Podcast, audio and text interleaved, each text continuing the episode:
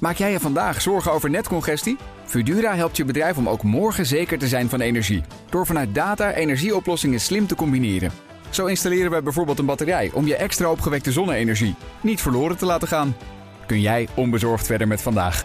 Kijk op Fudura.nl. Fudura, de verandering voor. BNR Nieuwsradio. The Big Five. Diana Matroos. Het kapitalisme heeft ons heel ver gebracht. Maar ook de donkere kant ervan, voor mens en natuur, dringt meer en meer tot ons door. En eigenlijk weten we wel dat ons één ding staat te doen: een nieuwe vorm van economiebedrijven. Maar ja, hoe overwinnen we onze weerstand om echt te veranderen? Welke leiders zijn nodig? En welke regelgeving gaat ons daar dwingend bij helpen? Daarover praat ik deze week met vijf kopstukken in BNR's Big Five van het kapitalisme. En vandaag weer een hele mooie gast, Medi van der Laan, voorzitter van de Nederlandse Vereniging van Banken. Maar we kennen haar natuurlijk ook uit het verleden. Toen ze aan het roer stond bij Energie Nederland, de branchevereniging van energiebedrijven. En ze was voormalig staatssecretaris OCMW in het tweede kabinet Balkenende. Medi, welkom. Fijn dat je er bent. Dankjewel. Goedemorgen. Uh, ik ga natuurlijk uitgebreid zo meteen met je praten over dat kapitalisme en waar jij vindt dat de grens uh, uh, zo'n beetje ligt. Maar eerst twee dingen die ik van je wil weten. Hoe opgelucht haalde jij adem toen je hoorde dat we net langs die recessie zijn geschoven? Nou, kijk, dat is gewoon natuurlijk in de algemene zin goed nieuws. Uh, wij vinden wel dat, of ik vind ook dat de milde recessie was een lichte afkoeling van de economie was niet onwelkom. Uh, dus fijn dat hij niet doorzet naar een zware uh, recessie, want dat kunnen we natuurlijk met elkaar niet gebruiken. Maar mild, zeg je, was best goed geweest? Nou, dat hebben we altijd gezegd de afgelopen maanden. Een milde recessie is niet onwelkom. Dat, dat is geen drama. Hè. We hebben een zeer overwitte economie gehad de afgelopen jaren. En een kleine, lichte verkoeling zou echt niet vervelend zijn geweest. Uh, het is vooral blij dat je, dat je niet aan een zware recessie komt. Want dat wisten we mm -hmm. een paar maanden geleden niet. Of dat uiteindelijk ja. ook niet zou gebeuren. En daar ben ik vooral blij om, dat we het mild houden. En dat we zelfs weer de, de weg omhoog uh, aan het vinden zijn. Maar de, dat je dat zegt, dat heeft dus ook te maken met dat je denkt van... nou ja, voor de, in het kader van duurzaamheid was het best aardig geweest als de boel een nou beetje ja, af. Het is natuurlijk wel als de productie, als een economische recessie gaande is, en zoals gezegd, hè, mild, hè, niet uh, zwaar, want dan uh, is er mm. te veel lijden, uh, is voor verduurzaming niet zo erg, omdat je dan toch de footprint op de aarde door afname van productie, ja, die, ja. Die, die, die, vaart daar wel bij. Is dat ook iets waar je um, zelf in bent veranderd, dat je dit nu zegt, of had je dat vroeger een jaar geleden ook gezegd? Met andere woorden, schuift dat duurzame denken in jouw hoofd ook op?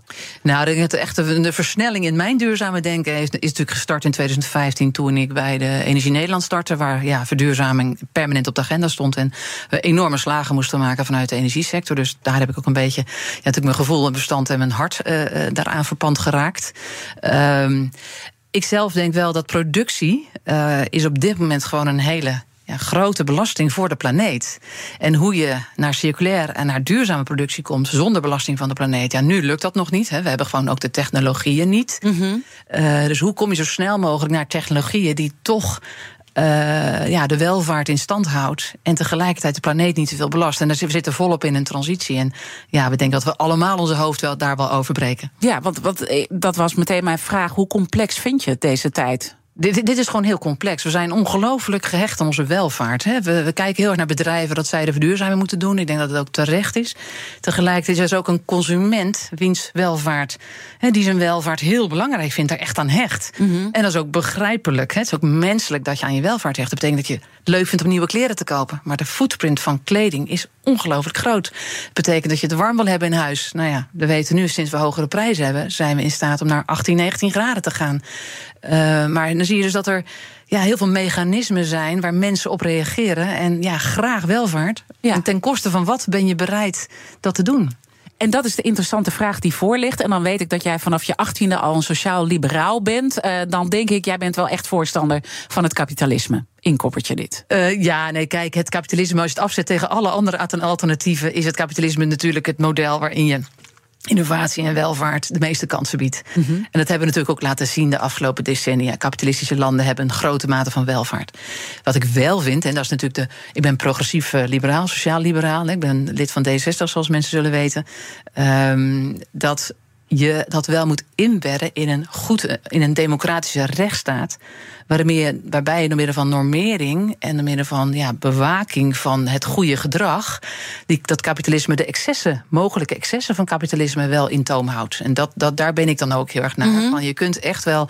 Het goede, het goede kapitalisme is fantastisch belangrijk. En brengt welvaart, brengt innovatie.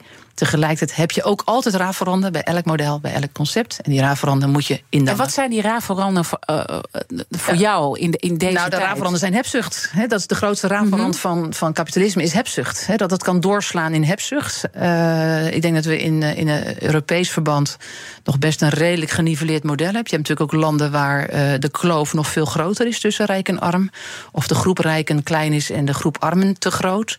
Ehm, en dat kapitalisme kan, is, ook dat is kapitalisme. Je hebt kapitalisme in al zijn vormen.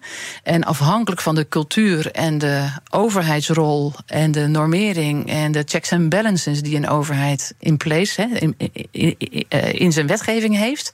Op Europees niveau in ons geval veel, maar ook op Nederlands niveau. Die maakt of kapitalisme op de goede manier gaat werken. En dan heb je het over hebzucht. En dan ben ik gewoon heel erg benieuwd waar jij dat eh, om je heen merkt. Dat je denkt van. Ja, we zijn nu toch wel iets te ver gaan. Want dat proef ik wel uit jouw woorden. Je, kapitalisme is goed. Nou, het is- gaat niet om te ver gaan. Hè? Want Dat, dat hangt van wat je, wat je te ver vindt gaan. Als je, ik ken. Eh, Ik ken, deze ken niet, maar ik weet van kleine ondernemers die hun hele bedrijf leeg eten, hun mensen ontslaan en het allemaal voor zichzelf houden voor een dikke auto. Dat, dat is ook kapitalisme, dat is ook hebzucht in het hele kleine. Eh, en je hebt grote ondernemingen die afwegingen maken waarvan je denkt, ja, hoe maatschappelijk verantwoord is deze keuze van een grote onderneming? En dat is elke keer ook een morele vraag. Dat is niet een duidelijk ja of een duidelijk nee, dit is goed en dit is slecht. Nee, het is altijd een, heel vaak ook een moreel gevoel. Het mora- morele gevoel rondom kapitalisme is in Amerika wezenlijk anders dan in Nederland, wezenlijk anders dan in Zweden. Dus we zijn overal in een cultuur ingebed, in een morele inbedding van het kapitalisme. Dus de morele kant van het kapitalisme is onderdeel van het goede gesprek, wat mij betreft. En waar het dus te ver gaat, is als je op moreel zegt, misschien is het formeel. Mag het allemaal, hè? officieel mag het, vanuit de wet mag het allemaal, maar voelt het moreel niet helemaal goed meer. En dat moet je in het maatschappelijk debat, en dat, is, dat moet je in het maatschappelijk debat met elkaar willen bespreken, op een overigens een prettige, respectvolle manier, by the way. Eh, en ik denk dat de overheid, de politiek, daar een hele belangrijke rol in heeft om die kaders van het gezond kapitalisme te bewaken. En dan ben ik toch benieuwd, als je dus moreel eh, eh, in dialoog gaat, hoe zou jij dan in dialoog gaan met Shell, waar gewoon heel veel kritiek op is, die eh mega winsten laten terugvloeien naar de aandeelhouders in een tijd dat het allemaal moeilijk hebben. Ze verdienen aan iets wat gewoon niet goed is voor eh, de planeet. Hoe verkoop jij dat moreel gezien? Nou, moreel zitten daar verschillende aspecten aan. Je hebt de klant. Hè. Elke dag dat jij je benzine in je auto gooit en niet kunt of wil, als je niet kan, is iets anders. Maar niet wilt, terwijl je het wel het geld hebt, Ja, niet wilt dat is de investeren. consument. Ja, dus de consument. Hè, dus die kiest er elke dag weer voor om in een benzineauto te rijden. Eh, je hebt Shell zelf, een bedrijf als Shell, laat ik niet Shell pinpoint. Het gaat om grote bedrijven met, met grote kapitaal. Hè. Dan is de vraag die, de morele vraag die je stelt: oké, er is nog een fossiele wereld, die is niet gisteren of vandaag gelukt om duurzaam te krijgen. Dat kan ook niet, dat is een stapsgewijs proces. De morele vraag die daar ligt: wat kun je als Shell nog meer doen qua investering in je verduurzaming? Had je uit die winsten, of kun je vanuit die winsten een extra impuls geven, een extra offer brengen eh, richting eh, maatschappelijk verantwoord ondernemen, om dat woord maar te Nou ja, gebruiken. Arno en dat is de morele vraag die Ja. je dan stelt. En Maar het is niet mag het jij? winst maken of niet. Shell moet gewoon winst maken. Het is een bedrijf Ja. met grote financiële risico's. Maar vind je dat ze meer verantwoordelijkheid moeten nemen? Arnold Boot op deze zender heeft, nou, die is behoorlijk van, van leer getrokken tegen Shell. Van dit kan gewoon niet. Je moet gewoon verantwoordelijkheid nemen in deze tijd. En dit soort megawinsten naar, naar aandeelhouders laten terugvloeien. Dat, dat, ja, je moet gewoon iets anders daarin doen. Ja, dat is dus dat gesprek wat je. Ik, ik heb er zelf. eh, ik altijd om als met een vingertje door het land te laten, rond te lopen. Want die is fout en die is goed. Ik probeer daar niet aan mee te doen. Ik denk dat dat niet helpt. Ik denk dat het de verduurzamingsdiscussie niet helpt. En ik ben gewoon niet zo van de polarisatie. Het, is, het zit niet in mijn lijf. Dus de tweede vraag is: van hoe ga je dat. Dan, dus ik zeg altijd: hoe ga je het gesprek voeren? En wat doe je als overheden? Wat doe je als banken? Wat doe je als eh, consument? Hè, dus iedereen die met het vingertje rondloopt. vraag ik elke dag weer, of het nou een consument is of een bedrijf, als je een oordeel hebt over een ander, hoe denk je dat het beter kan en wat is je eigen verantwoordelijkheid daarin? Dus ik ben ook altijd op zoek naar de eigen verantwoordelijkheid, waarbij ik echt wel een mening heb over wat bedrijven anders zouden kunnen doen, maar daar wil ik, ik wil daar toch heel genuanceerd in blijven. The Big Five. Diana Matroos. Mijn gast is Medi van der Laan, voorzitter van de Nederlandse Vereniging van Banken. Als het gaat over jullie rol, is het misschien meteen mooi om daar uh, de kettingvraag bij te pakken. Want gisteren sprak ik met Dirk Bezema, hoogleraar economie aan de Rijksuniversiteit Groningen. En die had deze vraag voor jou. Ik zou willen vragen hoe de banken de afbouw van financiering aan de fossiele sector gaan versnellen. Een onderzoek van Fair Finance blijkt dat 94% van het geld wat de banken investeren in energie, dat gaat naar de fossiele sector. Nou weten we van Shell bijvoorbeeld in de rechtszaak tegen Milieudefensie dat Shell zegt van ja, daar kunnen wij niks aan doen dat wij nog steeds zoveel fossiel investeren. Er moet gewoon aan de vraagkant, de consument moet minder fossiel gaan consumeren en dan volgen wij. Dus dat is het idee van de vraaggedreven. Staan de banken er ook zo in? Gaan zij hun fossiele investeringen niet afbouwen en wachten ze totdat de vraagkant van leningen en zo zegt van nou wij willen minder fossiel? Of hoe, hoe gaan jullie daar wat aan doen? Ja, een hele mooie vraag. En uh, dat is dus waar, waar wij ook uh, naar kijken als banken. We hebben, een aantal banken heeft ook een heel duidelijk afbouwpad naar Parijs. Uh, die zegt gewoon, wij nemen steeds vaker... wij willen gewoon onze portefeuille zo samenstellen... dat die keurig in lijn is met Parijs. Dus daar, de banken hebben allemaal actieplannen gemaakt... om, dat, excuse, om de afbouw mogelijk te maken. het is een stapsgewijze aanpak, to begin with. En de vraag natuurlijk is de versnelling. Kun je erin versnellen? Ja, daar kun je in versnellen. Wat ik wel belangrijk vind om te, om te zeggen... is dat die versnelling is. Uh, zou nog mooier worden als de normering en beprijzing in de echte economie waar de vervuiling plaatsvindt ook versnelt. Dus sneller, strenger wordt. Dus als je dingen duurder worden uh, aan de fossiele kant, neemt de, het verdienmodel van de klant, kan een klant verdienen aan een duurzaam product, neemt toe. Als het, het fossiele alternatief duurder is dan het duurzame alternatief, gaat het als een tierenlier. Gaan we als een gek versnellen. Mm -hmm.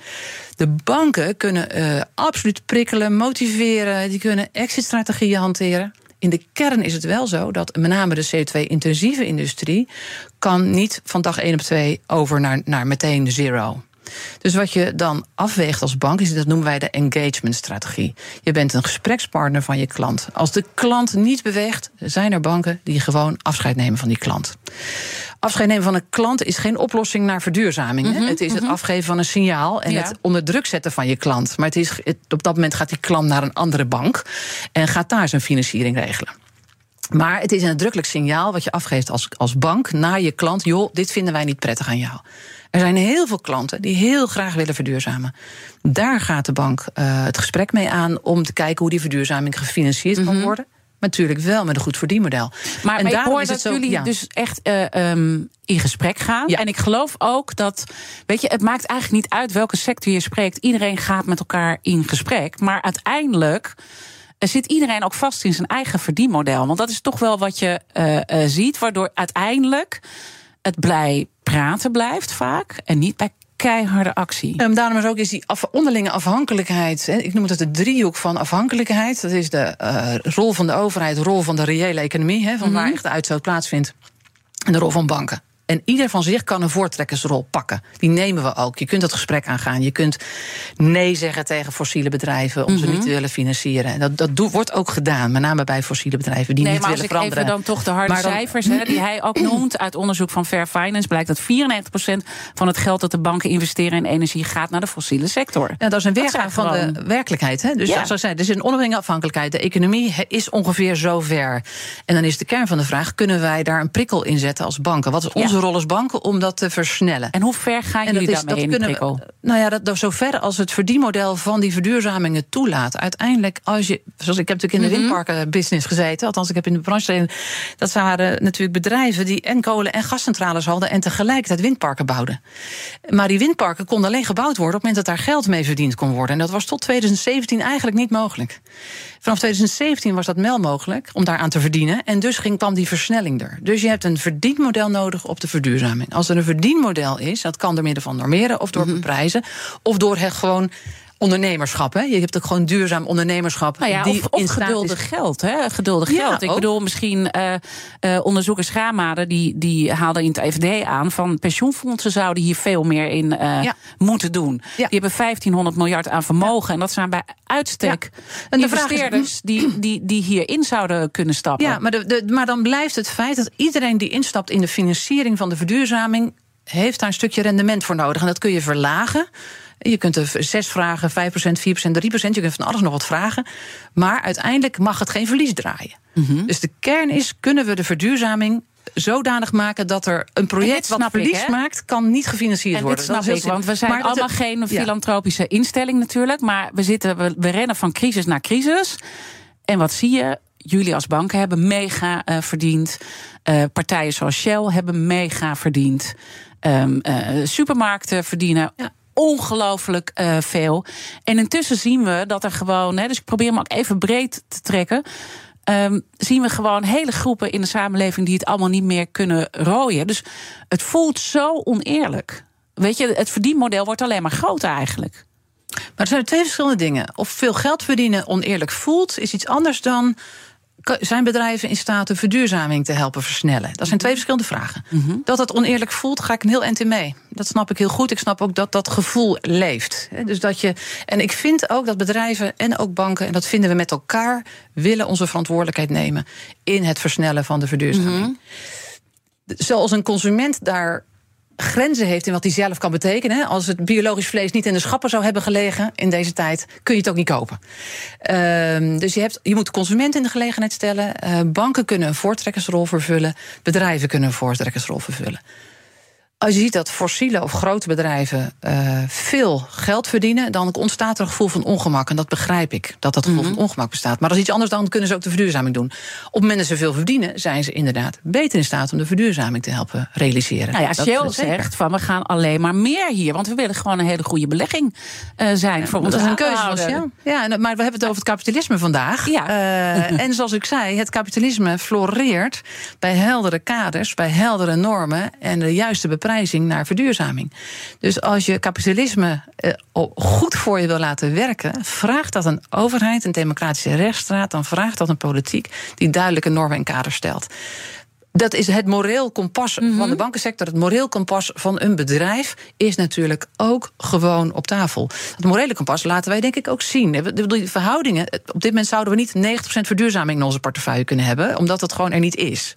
Hè, Dus, eh, maar zou je zeggen, we willen meer in onze portefeuille? Ja, natuurlijk willen we Ja. dat. Heel graag. Ja. En het- de trekkracht... Maar ik ga je nu toch Ja. even prikkelen. En dan Ja. wil ik toch even Arnold Boot weer eh, aanhalen. FD januari eh, van dit jaar. En hij zegt, joh, er staan gewoon miljarden klaar voor de landbouwtransitie en voor de energietransitie. En daarom leunen eh, de banken tegenover. Want waarom zou je, als je de schade toch niet zelf hoeft eh, op te hoesten? Dat is echt een overtuiging. De overheid komt over de brug. Die diep in ons eh, denken zit. En eigenlijk zeg jij dat ook, want de overheid moet over de brug komen. Nee, ik zeg dat de overheid moet normeren en beprijzen. Dat Ja. is iets anders. Het subsidiëren is over de brug komen. Ja.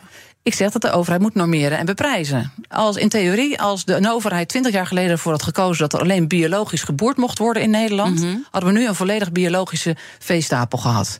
Als de overheid bedenkt dat je geen bestrijdingsmiddelen mag gebruiken in gebieden van natuurgebieden, is er vanaf dat moment geen bestrijdingsmiddelen bij natuurgebieden. Dus die normerende en kaderstellende en beprijzende rol is ongelooflijk cruciaal voor de versnelling. Mhm. Anders Daarmee- gaat het niet gebeuren, zeg jij. nou, ik zeg alleen, daarmee, dat is een ongelofelijke belangrijke rol in de versnelling. Een hele voorwaardelijke rol. Dus de overheid heeft een hele grote verantwoordelijkheid. De bedrijven en de banken ook. We hebben Mhm. allemaal die grote verantwoordelijkheid. Die onderlinge afhankelijkheid, dat is de moraal van mijn verhaal. Is dat je dus die eigen verantwoordelijkheid stretchen. Wij kunnen, wij zouden het liefst de hele tijd duurzame voorstellen eh, honoreren. En, eh, maar de voorwaarden voor en die duurzame slecht voor- eh, afbouwen. ja, tuurlijk wil je dat het liefst. Van klanten, ja. De beschikbaarheid van duurzame voorstellen is niet zo groot. Eh, niet zo groot dat wij eventjes van 4% naar 10% kunnen. Mhm. Omdat de beschikbaarheid is er niet. Dat is geen defensief faal. Dat is gewoon de werkelijkheid. Mhm. Dus wat je nodig hebt is een reële economie die versnelt. Een overheid die duidelijk normeert. En wij willen ook die trekkracht zijn... door die verduurzaming te financieren en afscheid te nemen van Mhm. maar dat is klanten die natuurlijk niet voldoende waar bewegen. eh Boot ook het over heeft. Die miljarden die klaarstaan voor die landbouwtransitie en voor de energietransities. Dat, dat, eh, hij zegt het, de banken leunen te, te ver achterover. Ja, dat ben ik dus niet Niet mee eens. Nee, het mechanisme is. De, de vraag is niet: wil je de verduurzaming financieren? De vraag is: is er voldoende verduurzaming om te financieren? Is veel meer op dit moment de belemmering van de, van de versnelling. Als er duurzame, verdienen, duurzame mhm. projecten of duurzame investeringen zijn die terugverdiend kunnen worden, laat wel wezen, het mhm. moet terugverdiend kunnen worden, dan staan wij met z'n te trappelen met z'n allen. Iedereen wil ongelooflijk graag dat gaan doen. En dat wil ik van je aannemen, hè? maar als we dan kijken naar die uh, infowetgeving, internationaal maatschappelijk verantwoord ondernemen, nou, dat, uh, dat is door uh, een aantal partijen aangedragen om dat te gaan doen. Het kabinet is daarvoor gaan liggen. Er is een enorme sterke lobby geweest. Boskalis is daarvoor gaan liggen. Wij gaan vertrekken naar het buitenland. VNO-NCW heeft daar heel erg op ingezet. Is dat dan de sfeer die we moeten hebben? Want dat is, dat is natuurlijk ook iets om die ketenverantwoordelijkheid richting die duurzaamheid in kaart te brengen, wat dan gewoon uiteindelijk tegengehouden wordt. Ja, we zijn een ontzettend internationaal land. Dus de kern is niet dat we geen IMVO-wetgeving of die bedrijven dat niet willen. De kern is dat we het op Europees niveau willen. Mm omdat je gewoon heel veel internationale productieketens hebt in, uh, en heel veel concurrentie maar, wereldwijd. ik snap maar, het aan maar dat kant, je INVO, dat, dat is nou precies. Hè, dus als je op Europees niveau, wij zeggen op Europees niveau INVO-wetgeving vinden wij prima. Mm Wij zijn dus als voor. Uh, namelijk als je daar level playing field tussen verschillende bedrijven, tussen verschillende landen krijgt. en dat is weer het normering. Dat is weer het normering waar je om vraagt. Ik worstel er zelf mee. Um, want ik begrijp het. En we zitten allemaal. Uh, we, we, moeten ook realisme hebben. En we moeten ook niet sectoren kapot maken. En het braafste jongetje of meisje van de klas zijn. Dus die begrijp ik. En aan de andere kant zie je dus gewoon, er gebeurt niet zoveel. Want we houden elkaar steeds bezig. En de een die wijst naar de ander. En de ander wijst naar de een. En dan moet de consument het weer doen. En dan moet de overheid het weer doen. En dan moeten we het weer op wereldschaal of Europese schaal uh, doen. Ik ben zo bang dat we gewoon niet vooruitkomen. Nou, ik moet zeggen, Weet je wat ik het lastigste vind in, in wat ik draai er nu zo al flink wat jaren in mee in die ja. duurzaamheidsvraagstukken? Die wat ik al net al zei, die onderlinge afhankelijkheid om echt tot versnelling te komen. Hè, dus windparken hebben een vergunning nodig. Ik noem iets heel simpels. Uh, uh, klanten hebben het alternatieve product nodig. Ik noem maar iets heel simpels. Wij hebben een gezond verdienmodel van het duurzame klant nodig. Um, iedereen heeft elkaar nodig. En waar ik mee worstel, is dat je die dat verwijzen naar elkaar is, is, kan soms gebruikt worden, inderdaad, door degenen die daar niet zo ambitieus in zijn, om mm daardoor niks te doen. Ik vind dat heel jammer als dat gebeurt tegelijkertijd is het ook echt heel moeilijk. Ja. Dus, en dat is ook wat ik in mijn. Ik zeg er zijn twee zielen in mijn borst. De ene borst, de ene ziel zegt. Ik voel die ook. De enorme ambitie om te verduurzamen. En ook de realist in mij eh, zegt ook van. Nou, maar het is wel echt heel erg moeilijk. En de, daarom zeg ik, hè, dus die, het, daar waren wij op hoop. Is dat, en we nemen zelf onze verantwoordelijkheid. Wij moeten ook heel veel rapporteren erover. Wij willen, willen mhm. steeds beter weten Zullen wat onze klanten doen. dan zo meteen af verder praten? Want dit is te belangrijk om even af te raffelen nu. En we moeten ook even naar de reclame. Helemaal goed. Uh, mijn gast is Medi van voorzitter van de Nederlandse Vereniging van Banken. Blijf luisteren. Maak jij je vandaag zorgen over netcongestie? Fudura helpt je bedrijf om ook morgen zeker te zijn van energie. Door vanuit data energieoplossingen slim te combineren. Zo installeren we bijvoorbeeld een batterij om je extra opgewekte zonne-energie niet verloren te laten gaan. Kun jij onbezorgd verder met vandaag? Kijk op Fudura.nl. Fudura, de verandering voor. 50.000 bedrijven moeten rapporteren over duurzaamheid. Een nachtmerrie zonder software. En de beste CSRD-software komt uit Nederland. Wij maken nu startklaar in drie maanden. Demo en offerte op www.mastersustainability.today.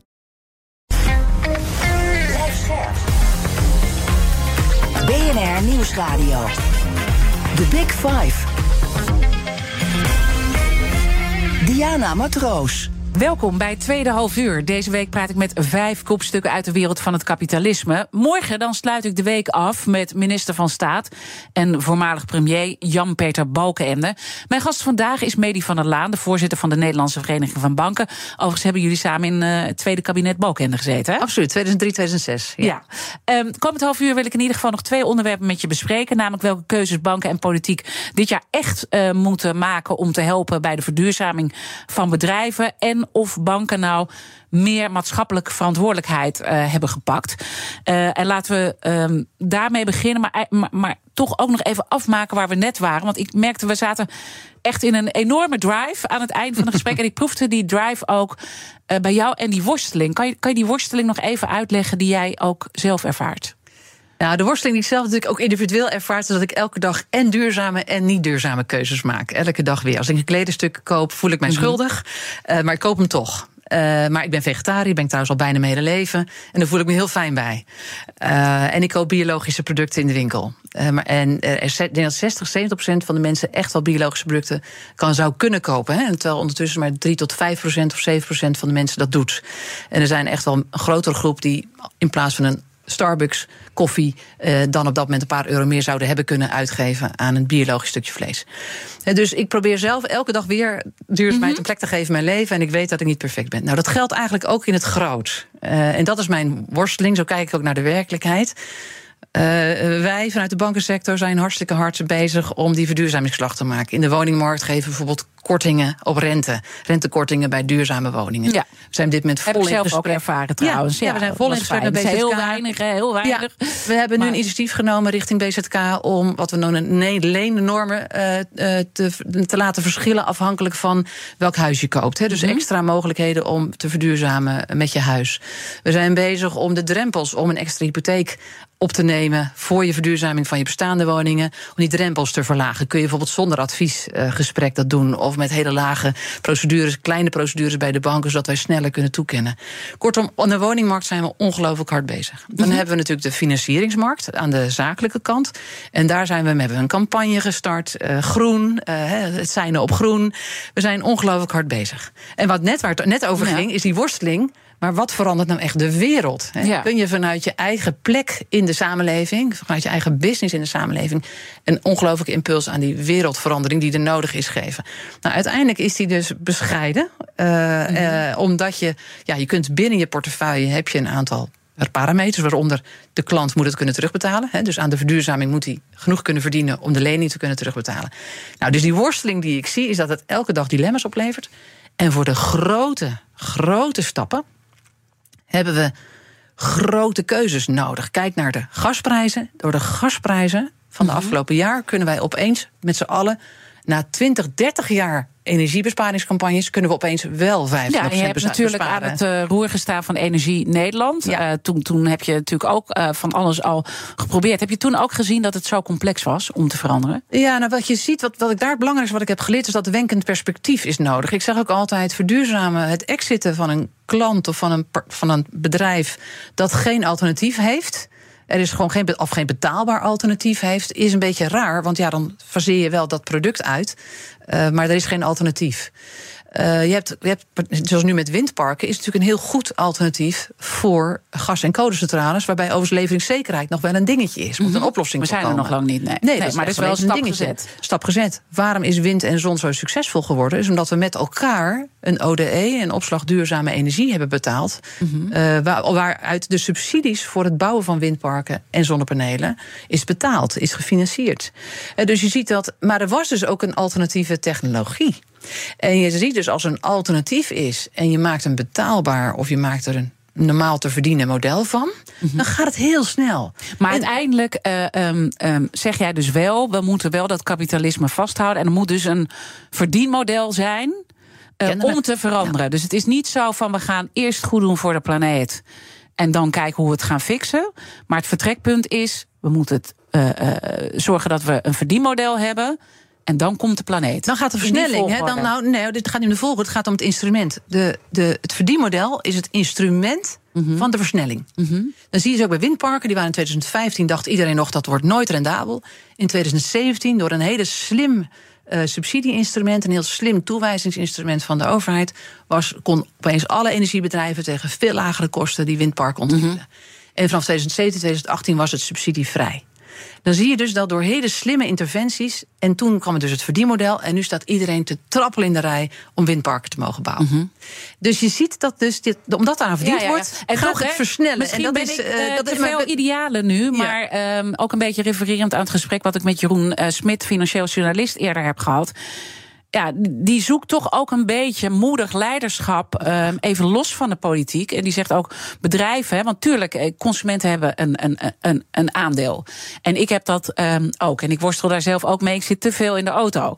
Dat erken ik elke keer. Maar ik, heb, wel een duur, ja. Eh, ik heb wel een duurzamer huis. En um, ik eet bijna geen vlees meer. Ik, Niet dat ik het nooit meer eet, maar ik eet het bijna niet meer. Dus ik denk, nou, ik probeer wel aan knoppen te draaien. Maar het, tuurlijk, het kan uh, meer. En ik probeer biologisch te kopen. Ik realiseer me ook dat ik ik het geld heb om dat te, Ja. kunnen doen. Hè? Er zijn een heleboel mensen die dat eh, niet hebben.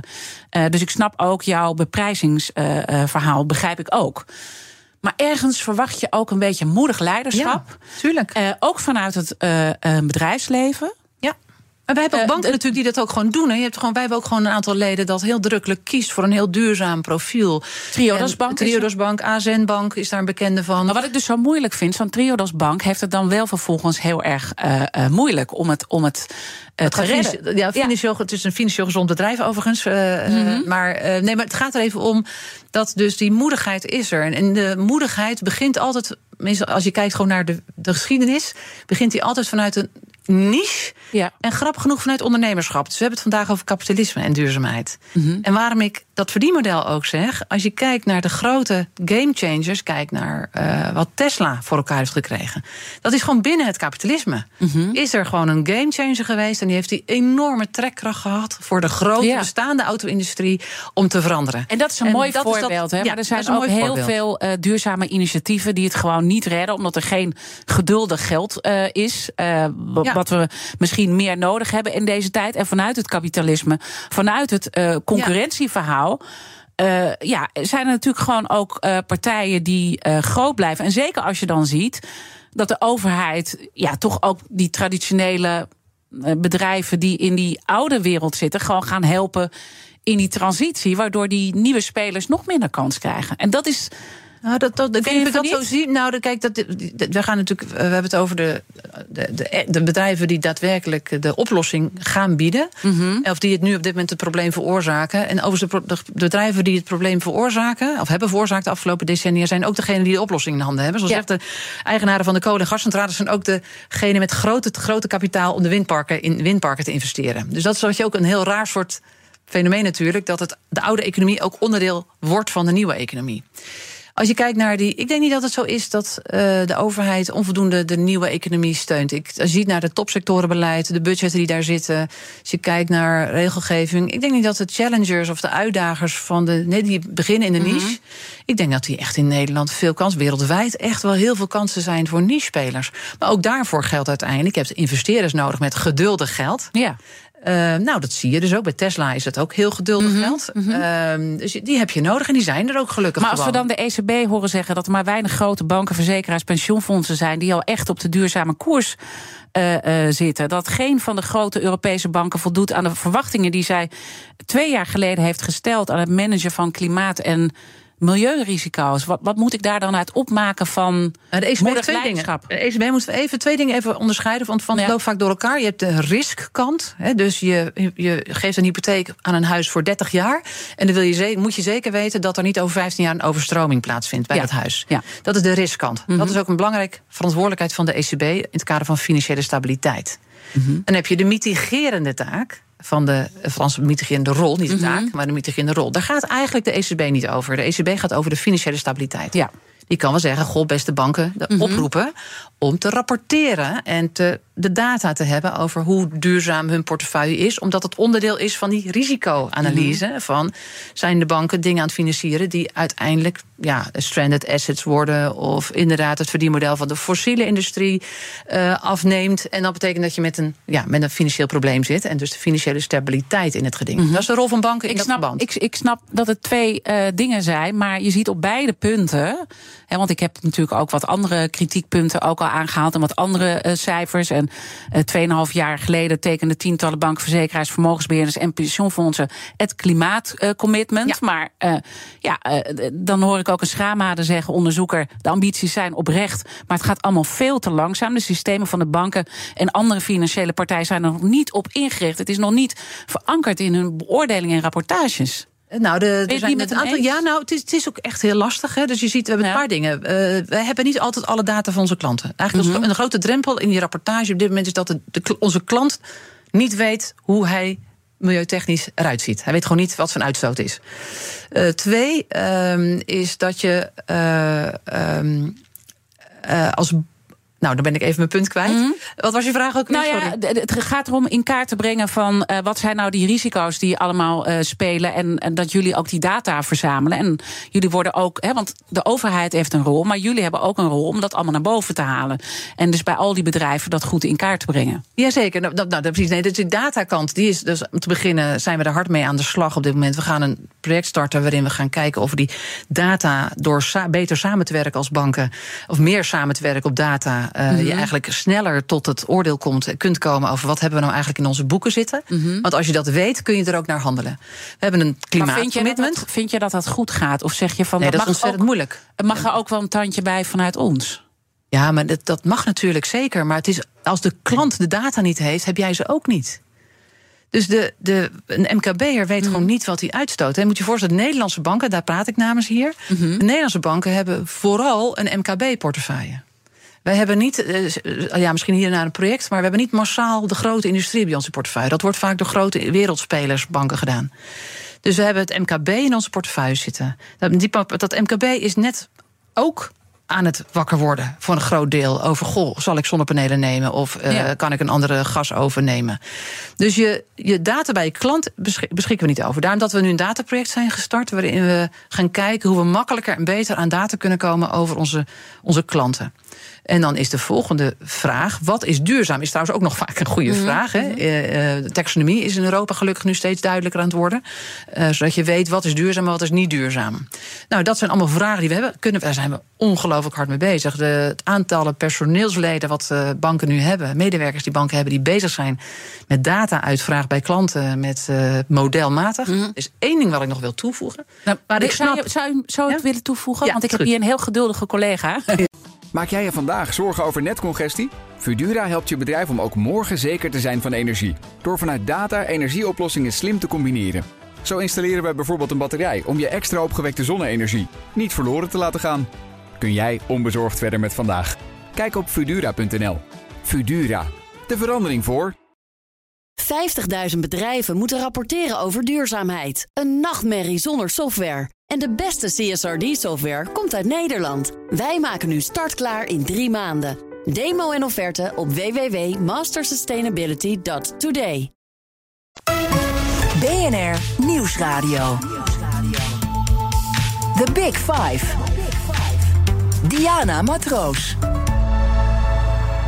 Je luistert naar BNR's Big Five van het kapitalisme. Gisteren was Dirk Bezemer, hoogleraar economie aan de Rijksuniversiteit Groningen te gast. En hij vertelde mij over de nieuwe inrichting voor de Nederlandse economie, die hij cruciaal eh, vindt. En dat we echt een nieuwe vorm van kapitalisme nodig hebben. Gesprek is te, terug te luisteren via bnr.nl. Mijn gast vandaag is Medi van der Laan, voorzitter van de Nederlandse Vereniging van Banken. Ik weet dat je voor het kapitalisme bent, maar dat je ook eh, ja, echt wel benoemt. Uh, en ook een worsteling hebt van hoe krijgen we nou. Uh, komen tot die nieuwe vorm. Hè, we zonder... het kapitalisme werken voor verduurzaming. Ja. Daar gaat het over. Ja. En, en um, we wisselen dan allemaal uh, dingen uit. je wilde nog een punt afmaken. Want ik, ik zoek toch nog een soort. Hoe kunnen we nou bold zijn? Hoe kunnen jullie ook bold zijn in het leiderschap? Om toch nog een tandje meer te zetten. Even los van wat de overheid allemaal moet ja, doen. Nou, een van de dingen die ik nog wilde toevoegen, ja. inderdaad, is dat uh, een, een, een, toekenning van financieringen werkt volgens modellen. Hè? Dus je, je, je vult dingen in en dan wordt het een lucratief project of mm. niet. Uh, en die, dat zijn modellen die doorgaans terugkijken naar de afgelopen jaren en dat doorvertalen naar de komende jaren. Op het moment dat je in een transitiesector zit, een sector die sterk transiteert, werken die modellen niet zo goed meer. Want ja, het verleden is geen garantie voor de toekomst. Mm -hmm. En dat was in een stabiele economie, met een stabiele sector, is dat wel zo. Wat je nu ziet, is dat we ook inzetten als bankensector om te kijken naar die modellen. Kunnen we, dat doen de banken individueel overigens, mm -hmm. want mededingingsrechtelijk mag je dat niet zomaar samen doen. Maar de banken zijn allemaal bezig om te kijken, kunnen we forward-looking modellen gaan maken? Mm -hmm. Die zeg maar inschattingen kunnen maken van de mogelijkheid dat het een verdienmodel zit. Hè, dat, er, dat de lening inderdaad kan worden terugbetaald. Daar moet je een inschatting van maken. Mm -hmm. En uh, wat, waar, dat, dat is wat wij echt moeten versnellen. Dat kunnen wij ook versnellen. Het is echt aan onze kant, is onze invloedcirkel. Wij kunnen echt sneller gaan met het verbeteren van onze modellen. Om te kijken of we forward-looking modellen kunnen maken. Dat is echt voor, iets wat voor, wij kunnen doen. Voor, voor verduurzaming. Voor verduurzamingsprojecten, voor, voor verduurzaming. Dus dat die makkelijker op financiering uiteindelijk ja, kunnen rekenen. Je, zeker. Kijk, als je rekent met oude modellen, dan is de kans dat je het niet toekent veel groter dan als je rekent mm -hmm. met forward-looking inschattingen. Ja. Dus- Eh, eh, maar uiteindelijk betekent het ook van eh, klanten die het niet goed doen, afscheid nemen en ook in kaart Ja. brengen wie het niet goed doet. En, en dan Dat hebben we jij. dat, dat, dat hebben gewoon in kijk. De, de, de- die klantgesprekken vinden volop plaats. Hè. Dus eh, met, met elke klant wordt op, op het moment dat je met ze spreekt, en soms speciaal daarvoor, Mhm. het gesprek gevoerd over verduurzaming. En, eh, maar zo zegt, er zit een kleine MKB'er, een kleine bakker bij, die het op dit moment met- best wel moeilijk heeft. eh, tot aan meer grotere bedrijven zitten daarbij. En dat Mhm. Ja. zijn al twee hele Want ik moet even aan de. Rabobank denken. Ik bedoel, die zitten natuurlijk bij al die boeren die in Ja. transitie hebben met stikstof. Ja. Ik bedoel, en dat gaat echt om grote partijen natuurlijk. Ook met heel, zeker. Heel, heel, heel Ja. veel geld. En dan zit je bijvoorbeeld, zijn stel een boer is, eh, stoot veel stikstof uit, dan zit hij op de verkeerde plek. Dan moet hij verplaatsen, daar heb je geld voor nodig. Je Mhm. hebt net geïnvesteerd, afschrijvingen. eh, heb je genoeg grond om te extensiveren? Eh, dat is bijna allemaal maatwerk. Ja. Elke boer is maatwerk. Dat geldt trouwens ook voor het MKB. Maar een zijn, bakker los je anders banken dan, dan, een- ook bereid om, hè, want nogmaals, jullie verdienen heel goed ook in deze tijd. En ik snap dat het een verdienmodel moet blijven, maar om te zeggen, nou, we kunnen ook wel een beetje minder verdienen. We zijn ook bereid Nou, het, zo, het om een gaat niet om meer. te lijden. Nou, het gaat niet over meer of minder verdienen. Wij hebben een toezichthouder die verwacht dat wij leningen afsluiten waarvan we in redelijkheid erop kunnen rekenen dat die wordt terugbetaald. Mhm. De toezichthouder wil dat wij en dwingt ons af dat wij leningen verstrekken die worden terugbetaald. Ja. Daar moeten wij hele dossiers voor aanleggen om dat ook te bewijzen dat we dat goed hebben onderzocht. Wij mogen geen leningen verstrekken van de toezichthouder die niet terug, die waar we een gerede kans is dat ze niet worden terugbetaald. Dat is het spelletje wat we doen. Dus daarom zeggen wij zo van je moet het er moet aan verdiend kunnen worden. Om, alleen als je eraan verdient, kun je de lening terugbetalen. En dat moeten wij van toezichthouder. Het is niet zo dat we zeggen dat we een potje maken en zeggen: Mhm. Nou, we hebben nog wat, wat, nog wat spielerij-potje. waarin we zeggen: Nou, dit zijn leningen die hoeven niet maar, te worden maar is dit ook Dat een heel interessant eh, punt? ehm, dat er intussen, eh, los van eh, de bankaire wereld waar jij over spreekt, ook een. in, het werd ergens in een artikel genoemd, vond ik mooi. Een schaduwparadijs ontstaat waar een paar grote vermogensbeheerders mondiaal aan de touwtjes trekken. En die ongeveer 20, 22 procent van alle grote beursgenoteerde bedrijven in handen hebben. En die uiteindelijk eh, niet die sector aanpakken. En dat de bankaire wereld veel minder kan dan dat wij misschien denken?